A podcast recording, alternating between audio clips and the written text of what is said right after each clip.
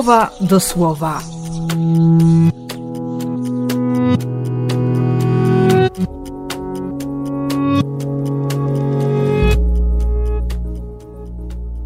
Dziewiąty kwietnia, zmartwychwstanie pańskie.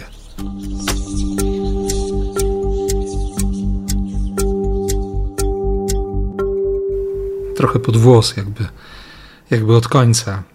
Mam w sobie bardzo głębokie przekonanie, że, że trzeba tę dzisiejszą Ewangelię rozszerzyć o jeszcze jedno zdanie.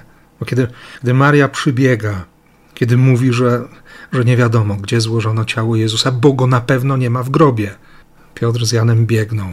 Piotr chyba trochę z duszą na ramieniu, może dlatego biegł wolniej. Jasne, Jan młodszy, ale, ale Jan był do końca z Jezusem, nie? A Piotr, no Piotr wiadomo, Piotr wie, więc tym bardziej jest przerażony, że z rozpędu wbiega do grobu i znów paradoks. Groby nie są poukładane. W grobach nie ma porządku. A tu się wydaje, że, że Jezus wstał, poskładał wszystko, poukładał to, jeszcze oddzielił całun od chusty, którą miał na twarz nałożoną. No chyba, że był bardzo zajęty i, i przyszedł któryś z aniołów i zrobił porządek jeszcze wcześniej, nie? No takie rzeczy wchodzą do grobu i, i dalej nie rozumieją. I nagle, nagle im się przypomina, bo dowodem na zmartwychwstanie jest słowo. Nawet nie ta pustka grobu. Słowo. I dlatego trzeba przeczytać jeszcze dziesiąty werset dwudziestego rozdziału Ewangelii Jana. Po wyjściu z grobowca uczniowie wrócili do siebie. I nie tylko chodziło o to fizyczne pokonanie drogi z powrotem do wieczernika, zamknięcie się i no właśnie będą siedzieć do wieczora, aż przyjdzie Jezus i rozejrzy się i powie: No tak, trzeba wam najpierw pokoju. Ale, ale chodzi o, o coś jeszcze, bo było doświadczenie ciemności, była pustka, było rozczarowanie, była beznadzieja, było przerażenie, była próba opanowania strachu. Ale co? Co dalej? Przeżyli Paschę, nie? Ominięcie śmierci. Wtedy, kiedy siedzieli w wieczerniku z jedną myślą: został zabity, nie żyje.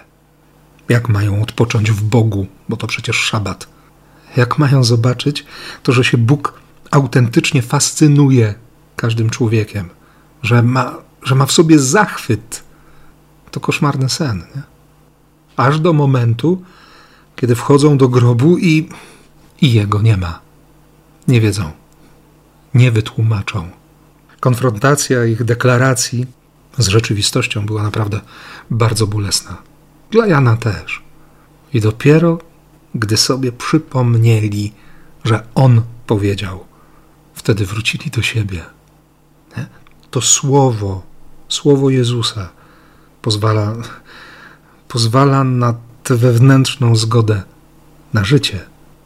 Ono też mobilizuje, żeby, żeby nie tracić minuty, godziny, żeby w ogóle widzieć sens szukania Boga.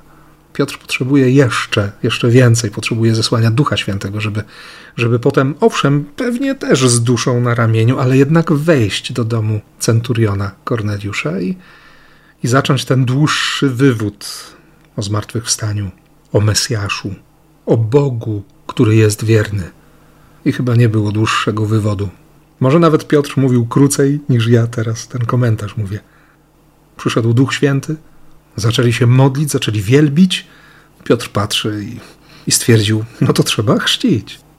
Albo Paweł, który przekonuje po raz kolejny, czy Koryntian, czy Kolosan, żeby, żeby patrzeć w górę, żeby nie ryć nosem w ziemi, żeby nie pozwolić na, na zepsucie, na zgnicie ile razy czytam tę pierwszą z propozycji mm, drugiego czytania dzisiejszej liturgii, ten fragment listu do Kolosan, żeby, żeby spojrzeć w górę, od razu przypomina mi się Jasminum, brat Zdrówko, te prosięta w jego rękach unoszone ku niebu, no bo przecież one nigdy nie zobaczą nieba. Ciągle tylko będą ryć w ziemi. I widzę, że, że to jest dla mnie lustro. I jednocześnie wiem i dziękuję Dziękuję za takie lustro, bo widzę tutaj nieocenioną i niezastąpioną rolę Kościoła, który mnie dźwiga, który Ciebie dźwiga, podnosi, żebyśmy zobaczyli niebo. Dlatego za ten kościół też dziś bardzo, bardzo dziękuję. Przez cały dzień dziękowałem Bogu za wspólnotę kościoła. Teraz wreszcie, w czasie tej ostatniej Eucharystii, szczególnie za tych, którzy kiedykolwiek sprawowali na tym miejscu Eucharystię od XII wieku, za tych, którzy budowali kolejne kościoły, którzy się tutaj modlili, którzy, którym zależało, którzy doświadczali Boga. W tych prostych tekstach, w tych nieprawdopodobnie pięknych melodiach, w tej ufności wiary, jak dzieci. Tak, żeby, żeby doświadczyć cudu, żeby doświadczyć zmartwychwstania. żeby przyjść jak dziecko, zobaczyć, że w grobie nie ma figury i zobaczyć jeszcze ślady na ziemi, bo ktoś, kto wynosił figurę, te ślady zostawił. I z przerażeniem, przejęciem, z totalnym zdziwieniem powiedzieć: On rzeczywiście żyje. Jego tam nie ma. Tego mi dzisiaj naprawdę potrzeba. Takiej miłości, takiego przejęcia się, takiej wiary. I Tobie też tego życzę. I błogosławię z całego serca w imię Ojca i Syna i Ducha Świętego. Amen.